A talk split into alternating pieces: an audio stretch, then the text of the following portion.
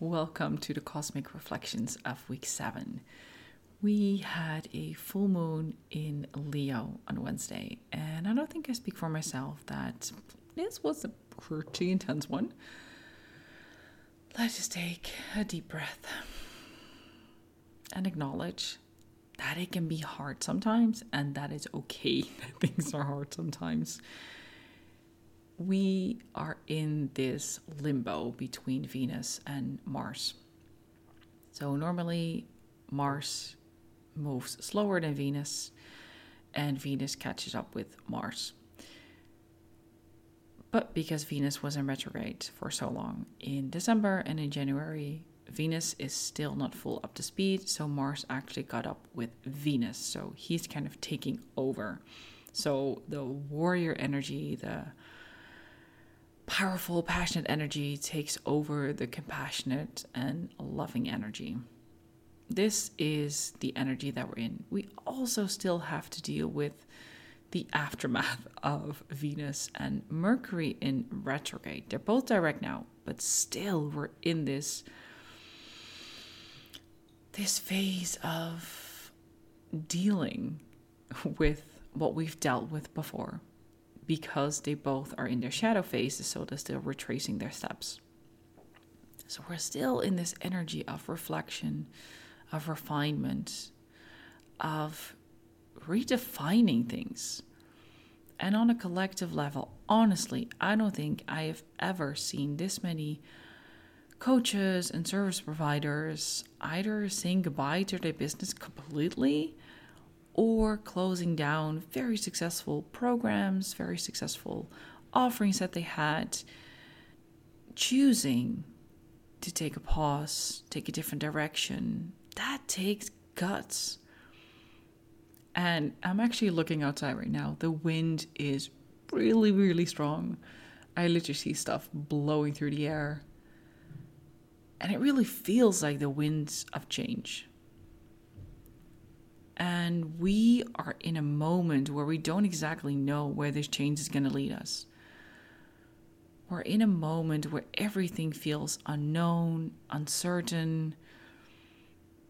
God, what is it going to look like, you know? don't you ever ask yourself that? And and this full moon in Leo that we had was very passionate. I actually really had to take the kids outside because the energies were literally like bouncing off the walls. And they had a day off on that Wednesday, so we just had to get out. And the wind was so strong that day and the days after, which I think is so interesting. The winds that want to change, that blow things up in the air. I literally just when the when it was a full moon night, I looked at the moon because my daughter woke up. I don't know three, four times. So I went to the bathroom in the middle of the night, looked out the window, and I saw the clouds like blowing by really fast. And I saw the moon appear and disappear and appear and disappear.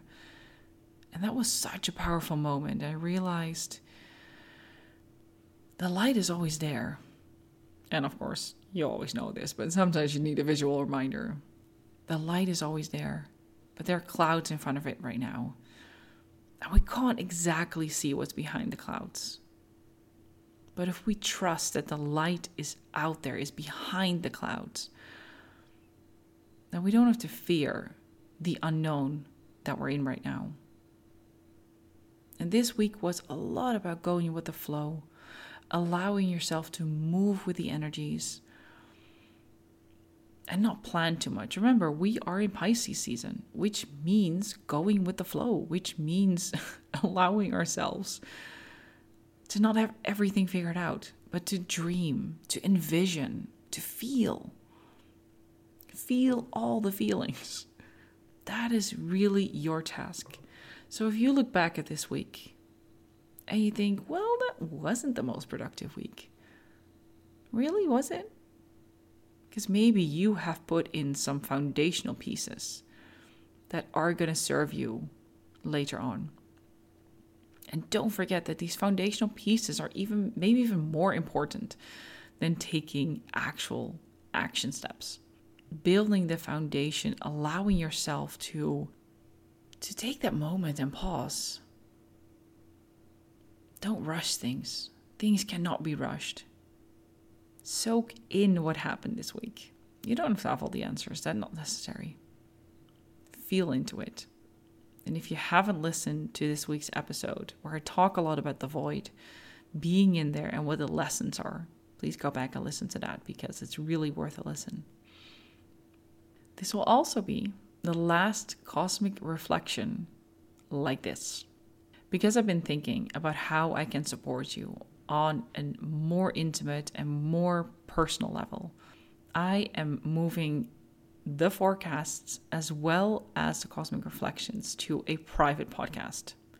The reason for that is because I want you to commit to weekly tune ins. I want you to commit to listening to the forecast, putting them in your calendar. I want you to commit to these reflections.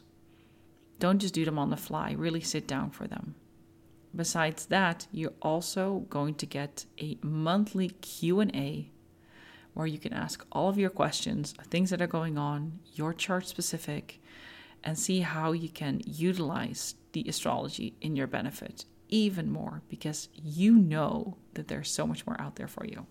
So if you want to know more, go to the show notes. You find a direct link. You can sign up for the waitlist. And I'm launching a podcast on the 22nd of February 2022. I thought that was a good date. So if you want to know more, go to the link in the show notes. Sign up get on the wait list, and as soon as it launches, you will get the first episode in your inbox as well as a date for the first Q&A where you can dive deeper into the astrology. And I'm really looking forward to being on this journey with you. And on the private podcast, I'll be even more personal and more intimate and give you even more tips and insights on how to utilize this and optimize your life and business using astrology. I will catch you on the next episode.